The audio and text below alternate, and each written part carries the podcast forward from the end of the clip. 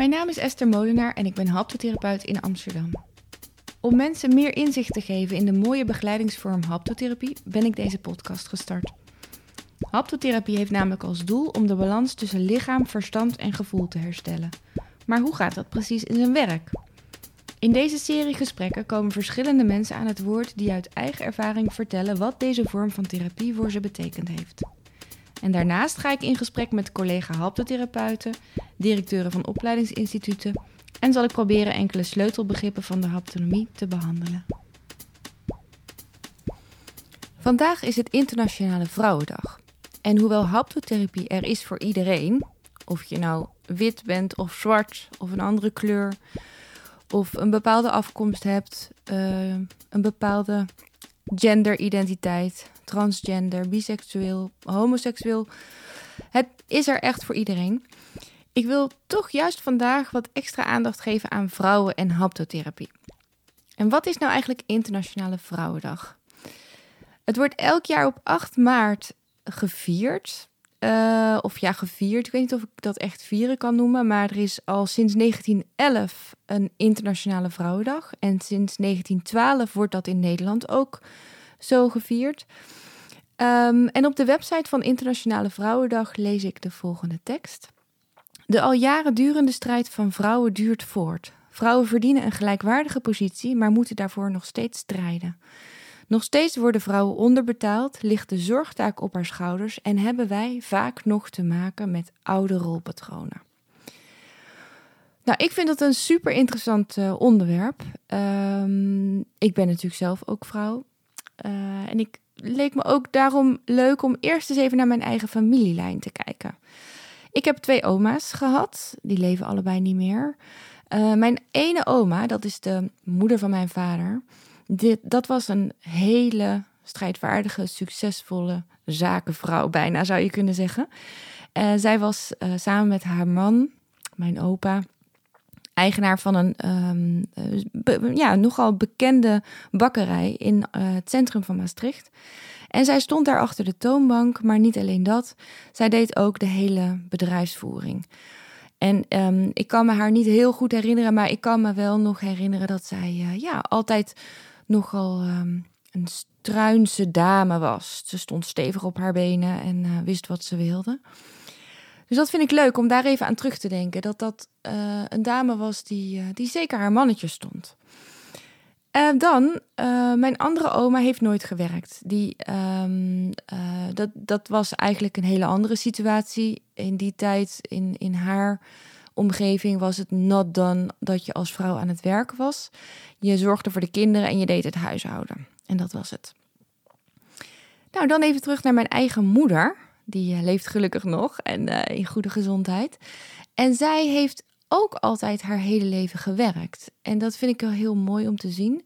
Want haar eigen vader uh, vond dat zij um, in ieder geval geen zwaar werk mocht doen. En, en hoe kom ik daar nou bij? Mijn moeder vertelde mij altijd dat zij zelf graag fysiotherapeut had willen worden. Wat ik eigenlijk ook wel weer heel mooi vind, aangezien ik voor het vak haptotherapie heb gekozen, wat ergens op een bepaalde manier een, een mooie link heeft met fysiotherapie. Ze wilde dat graag, maar haar vader wilde dat niet. Die vond dat het eigenlijk helemaal geen werk was voor meisjes. En um, uiteindelijk is mijn moeder wel Frans gaan studeren. Um, en is zij uh, docent Frans geworden. En dat heeft zij haar hele leven met heel veel plezier en heel veel verven gedaan. Um, en zij heeft altijd de zorg voor mij en mijn zusje gecombineerd met haar baan als uh, docent Frans. Nou, als we dan kijken naar ikzelf. Ik um, ben direct na mijn uh, ateneum gaan studeren, um, psychologie gaan studeren aan de Universiteit in Amsterdam. En vanaf mijn achttiende, of misschien zelfs moet ik zeggen, vanaf mijn zestiende altijd baantjes gehad. Ik heb wel steun gekregen van mijn ouders, financiële steun. Um, maar ik heb wel altijd gewerkt. Ik heb, ik heb er altijd dingen naast gedaan, naast mijn studie. En vanaf mijn afstuderen volle banen gehad. En dan heb ik nog een dochter, die is nu zeven, dus die is nog absoluut niet, uh, niet daarmee bezig natuurlijk. Maar ik ben heel benieuwd als je zo kijkt naar de lijn van onze families, wat haar pad gaat zijn. Dat zal de tijd natuurlijk uh, gaan leren. Nou, een mooie vraag die ik mezelf stel is van wat merk ik eigenlijk zelf nog van de historische beelden van het vrouw zijn? En dan merk ik dat ik het lastig vind om te onderscheiden wat wat is. Want uh, sommige dingen, ja, die kun je misschien niet echt toeschrijven aan het vrouw zijn, maar zijn gewoon karakterkenmerken of dingen hoe je op bent opgegroeid, hoe je je gevormd hebt in je leven. Uh, maar één ding in de hele discussie over vrouw zijn uh, triggerde mij wel. En dat is dat ik um, via een goede vriendin van mij, Marjolein Vlug, las ik een, um, een tekst van een uh, vrouw in New York. Haar naam is Kasia Urbaniak. En zij heeft het over de Good Girl Double Bind.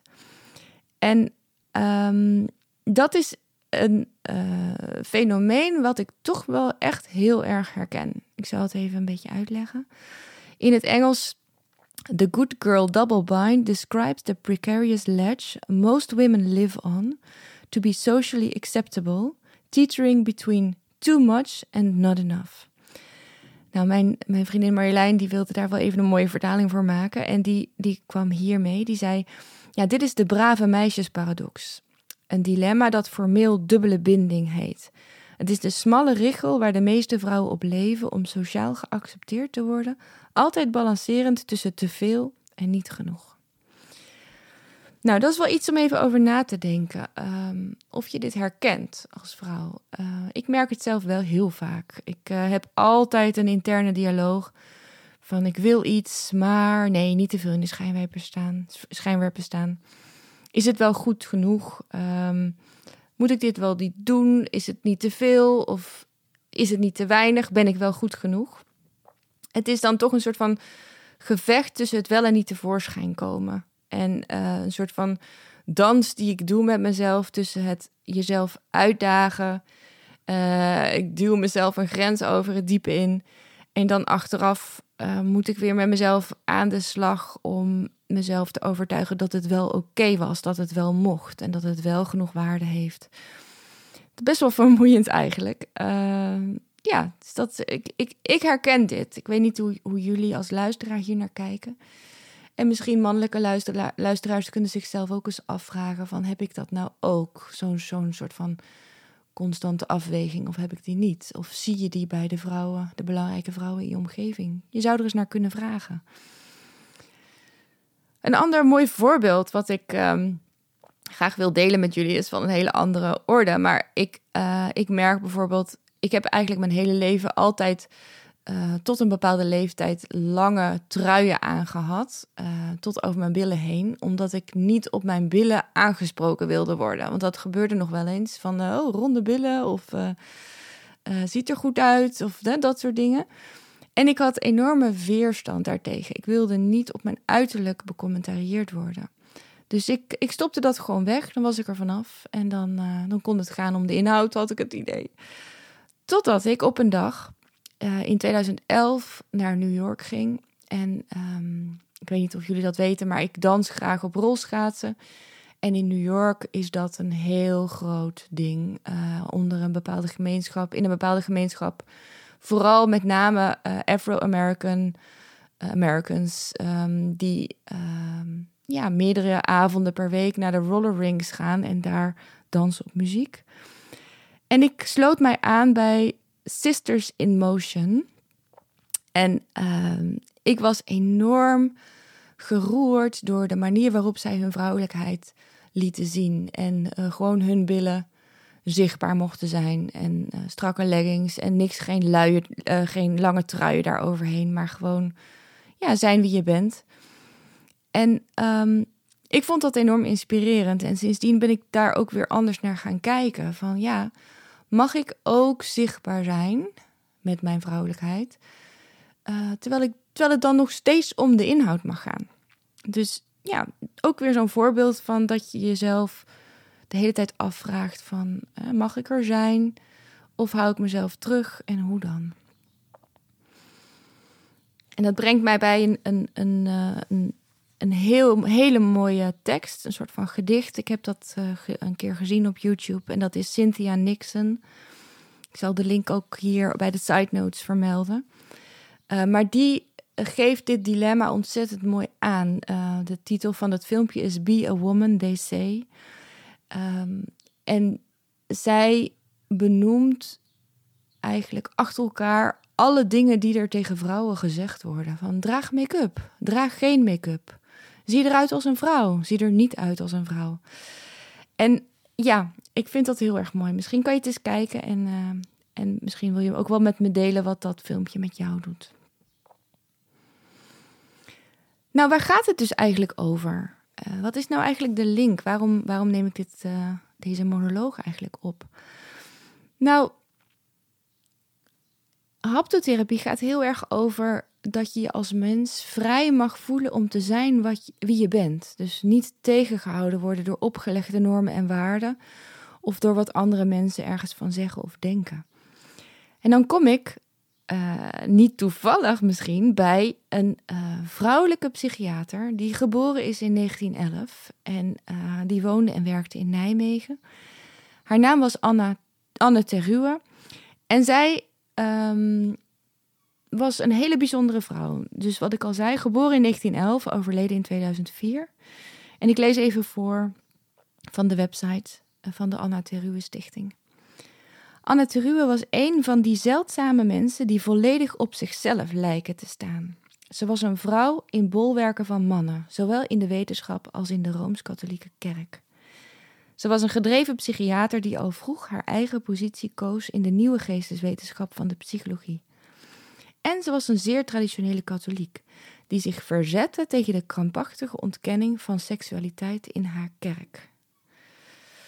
Terue was een wetenschapper die recht wilde doen aan de liefde, een eenling die stelde dat wij alleen onszelf kunnen worden dankzij elkaar. Nou, prachtig. Als ik dat lees, dan ben ik opnieuw uh, geraakt. En zij zei: Je mag zijn wie je bent, maar nog niet kunt zijn. En je mag het worden op jouw manier en in jouw tijd. Nou, prachtig toch? Dus in 1911 was deze vrouw al, uh, ja, helemaal op zichzelf staand. Nou goed, um, wat gebeurt er eigenlijk als een vrouw niet haar potentie leeft? Als we het even kijken vanuit de haptonomie. Um, voor de mensen die mijn, mijn podcast al vaker geluisterd hebben, die weten dat ik het vaak heb over ruimte, beweging en relatie. Wat je kan hebben als je je als vrouw niet vrij voelt, is dat je je ruimte niet inneemt. Dus um, bijvoorbeeld, je wilt wel een bepaalde baan, maar je denkt, ach, het zal wel niet lukken. Ik, en laat ik maar niet solliciteren. Um, dat is een voorbeeld van geen ruimte innemen. Hoewel dat ook een, een, voorbeeld is van je beweging niet afmaken, maar daarover zo meteen meer. Maar het kan ook zijn in een kamer letterlijk de ruimte innemen. Dus hè, niet te hard praten, niet te veel op de voorgrond treden. Maar meer een, uh, ja, een plek achterin, achter in de bus kiezen, zeg maar. Um, waarbij ik wel trouwens even wil zeggen dat als dat goed voelt voor jou, dan is daar natuurlijk niks mis mee. Het gaat er niet om dat je als vrouw altijd op de voorgrond moet zijn. Het gaat er meer om dat jij mag zijn wie je in wezen bent.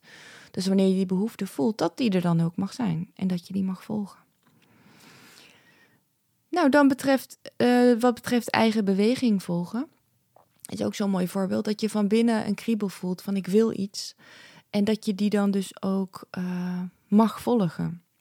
Uh, misschien ook in het, in het uh, heel zuiver op iemand afstappen om iets te zeggen. Dat is ook een mooi voorbeeld van je eigen beweging volgen. Letterlijk bijna.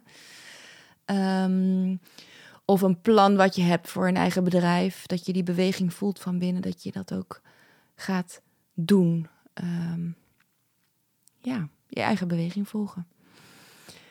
Nou, en als je het hebt over de relatie, dat vind ik eigenlijk een hele mooie. Want vaak uh, komen, um, ja, komen de meeste trubbels naar voren in relatie met de ander. Um, en hoe, ja, hoe ga ik dat nou het beste uitleggen zonder dat ik dat heel erg kort in de bocht doe?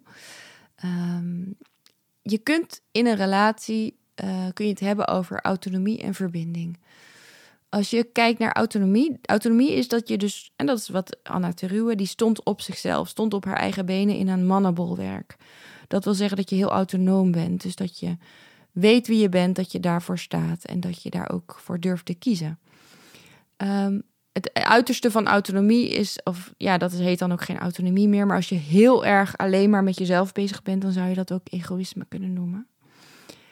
De andere kant van, van in de relatie um, zijn met iemand, is dat je volledig gericht bent op de verbinding.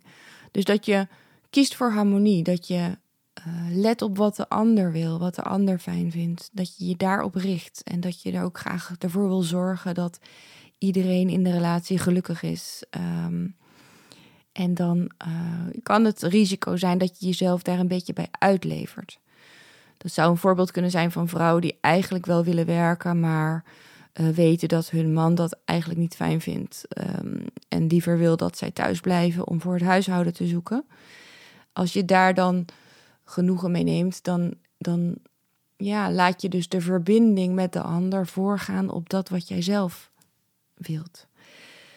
Overigens is dat ook een hele legitieme keuze. Hè? Dus dat, nogmaals, het gaat er niet om dat je altijd dan moet kiezen voor autonomie als vrouw. Helemaal niet. Het gaat erom dat je bewust bent van jouw wensen en verlangens. En dat je die in contact met de ander naar voren kan brengen. En met elkaar daarover kan praten. En dan kan het nog steeds zo zijn dat je ervoor kiest om thuis te blijven om uh, voor je man te zorgen, bijvoorbeeld. Daar is helemaal niks mis mee.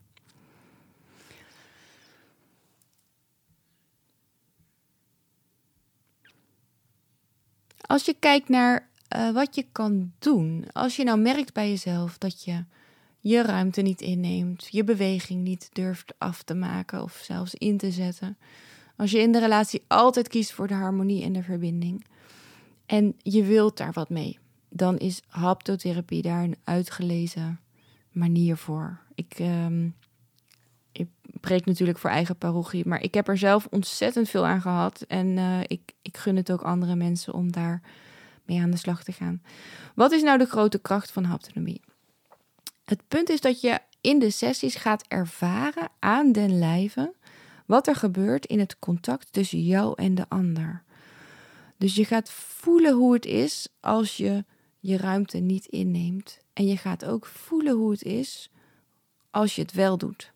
Dus je gaat eigenlijk met jouw therapeut oefenen met het innemen van ruimte. En de haptotherapeut die zal jou ook altijd vragen van... kan je merken wat het met je doet? En dan zou het wel eens kunnen dat het dan naar meer smaakt. Omdat het gewoon lekker is als je je ruimte mag innemen. Nou, dat klinkt misschien nog steeds een beetje abstract. Dus ik dacht, ik vertel er een voorbeeld bij.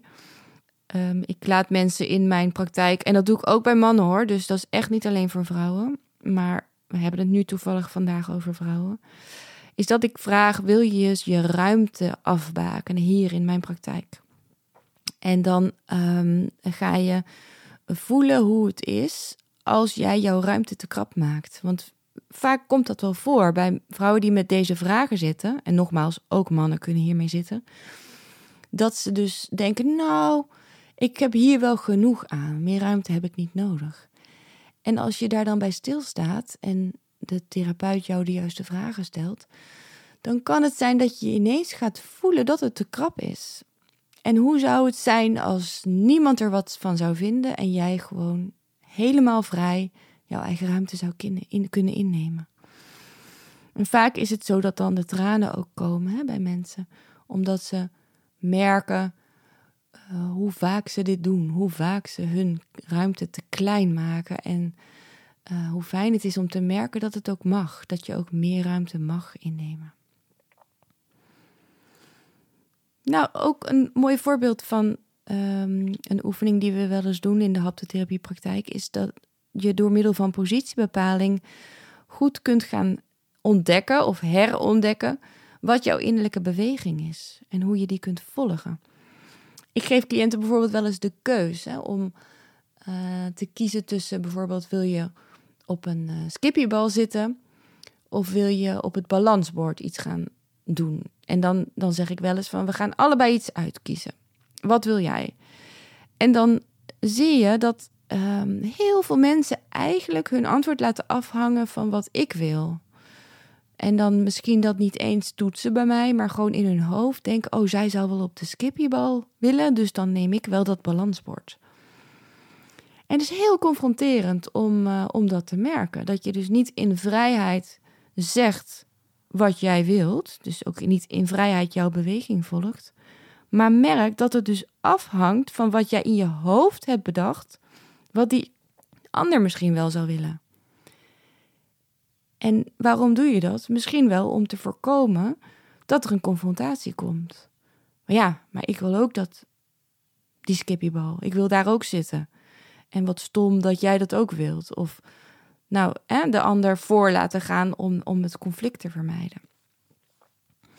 Dit is ontzettend mooi om te merken. Uh, en, en, en als haptotherapeut vragen we ook altijd even door naar hoe voelt dat nou? Hoe voelt het om te merken dat je dat dus af laat hangen van jouw aannames? Maar ook voel eens even hoe het is als je het niet doet. Hoe, om gewoon eigenlijk in alle vrijheid te zeggen: Ik wil dit. En dan daarna pas in gesprek te gaan met de ander. En dan, als er dan een conflict komt, dan ga je daarover praten. Dan kan het opgelost worden. Ja, ik vind het heel fijn, heel, heel mooi deze dingen, omdat het zo eenvoudige oefeningen zijn, maar zo vreselijk helder maakt. Een ander belangrijk onderdeel van haptotherapie is de aanraking. De cliënt gaat dan liggen op de behandelbank en ik kom ernaast zitten en leg mijn hand op de rug. En um, dan gebeurt er vaak al een heleboel. Uh, veel uh, mensen die uh, bijvoorbeeld het gevoel hebben dat ze er niet mogen zijn, die raken erg emotioneel door, um, ja, door te voelen, door de, de affectieve bevestigende aanraking te voelen van, van de therapeut. Van hé, hey, ik mag er wel zijn. Daar zit dan een bepaalde geruststelling in. Van het is oké, jij mag er ook zijn. En um, niet alleen als jij kiest voor harmonie, maar ook als je niet kiest voor harmonie, maar als je kiest voor jezelf, dan mag jij er ook zijn. Of als je bijvoorbeeld sombere gevoelens hebt, dan mag jij er ook zijn. Of als je negatief doet of boos bent, dan mag jij er ook zijn. En maak even een bruggetje wat ik um, bijvoorbeeld ook heel erg merk bij uh, cliënten met een zwarte huidkleur of zwarte cliënten. Dat je uh, bijvoorbeeld zo vaak te horen krijgt van je bent te boos of je bent te aanwezig. Um, maar dat is, dat is natuurlijk heel erg verkleinend als dat tegen je wordt gezegd. Dus juist in de haptonomie kijken we naar van ja, je mag er zijn met alles wat er is. Nou, wat betreft de relatie, dat is ook wel een groot verschil met um, naar een psycholoog gaan. Uh, is dat um, je met je haptotherapeut aan de slag gaat in de relatie. Um, dus dat je in contact met je therapeut uh, jezelf gaat ervaren. De therapeut brengt zichzelf in, zoals we dat dan zo mooi zeggen. Die is aanwezig als mens. En um, ja, ook wel echt als professioneel medemens. Dus door het contact met de therapeut ga jij ervaren wat er bij jou gebeurt en uh, ga je ook nieuwe mogelijkheden ontdekken. Goh, als ik het dus zo doe, dan wordt zij dus niet boos. Of uh, is het juist welkom als ik tevoorschijn kom met wat ik wel en niet vind. Um, dat, is, dat is, ja, je kunt dus daardoor voelen dat een evenwichtige relatie niet betekent dat jij altijd voor de harmonie moet zorgen. Maar dat je dus in contact met de ander kunt schuiven eigenlijk op de lijn van autonomie en verbinding. Waarbij het het allermooiste is als je allebei op eigen benen staat en vanuit daar kunt verbinden met elkaar.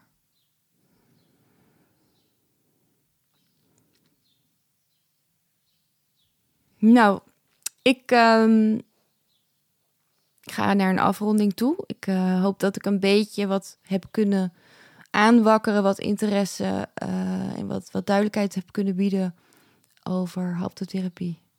En uh, ja, de link met Internationale Vrouwendag. Ik moet zeggen, ik voel mij gezegend dat ik ben opgegroeid in een tijd waarin vrouwen in Nederland al best veel ruimte innamen. Um, maar goed, ik worstel dus wel nog steeds met die good girl double bind. Ehm, eh, waarbij ik me dus altijd afvraag: is het wel goed genoeg en is het niet te veel? Of is het misschien te weinig? nou, haptotherapie heeft mij hier dus enorm in geholpen. Door te voelen van ik mag die ruimte innemen en ik mag tevoorschijn komen. En ik kan het ook aan als daar een conflict uit voortkomt. Ik hoef daar niet bang voor te zijn, want dan blijf ik ook nog steeds staan. Of als ik er verdrietig van word, dan is dat ook niet erg. Of als ik onzeker word, dan blijf ik ook nog steeds staan.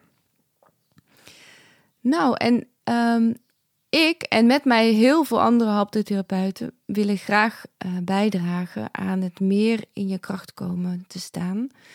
Dus bij deze een uitnodiging aan alle vrouwen die, uh, ja, die zich hierin herkennen. Die denken, goh, ik wil dat eigenlijk toch wel die belemmeringen een klein beetje afschudden. Dan uh, wees welkom. Je kunt um, op de website van de diverse beroepsverenigingen kijken naar een haptotherapeut bij jou in de buurt. En uh, ja, ga eens praten. Ga eens kijken of het, uh, of het klikt en of je er wat aan hebt. En het geldt natuurlijk niet alleen voor vrouwen. Ik heb dat net al eerder ook gezegd. Ik leg nu speciaal deze link met de Internationale Vrouwendag. Maar haptotherapie is echt voor alle mensen. Van alle geslachten, alle achtergronden en alle kleur. En uh, wees welkom.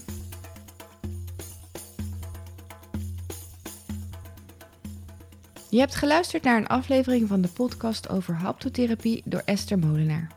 Je kunt je abonneren op deze podcast via iTunes of Spotify. Voor meer informatie over haptotherapie en het vinden van een therapeut bij jou in de buurt kun je kijken op de website van de beroepsvereniging www.vvh-haptotherapeuten.nl of op de site van de NFG www.de-nfg.nl. Heb je naar aanleiding van deze podcast aan mij nog vragen? Stuur dan een mailtje naar info.haptotherapie-ester.nl of bezoek mijn website. Graag tot de volgende keer.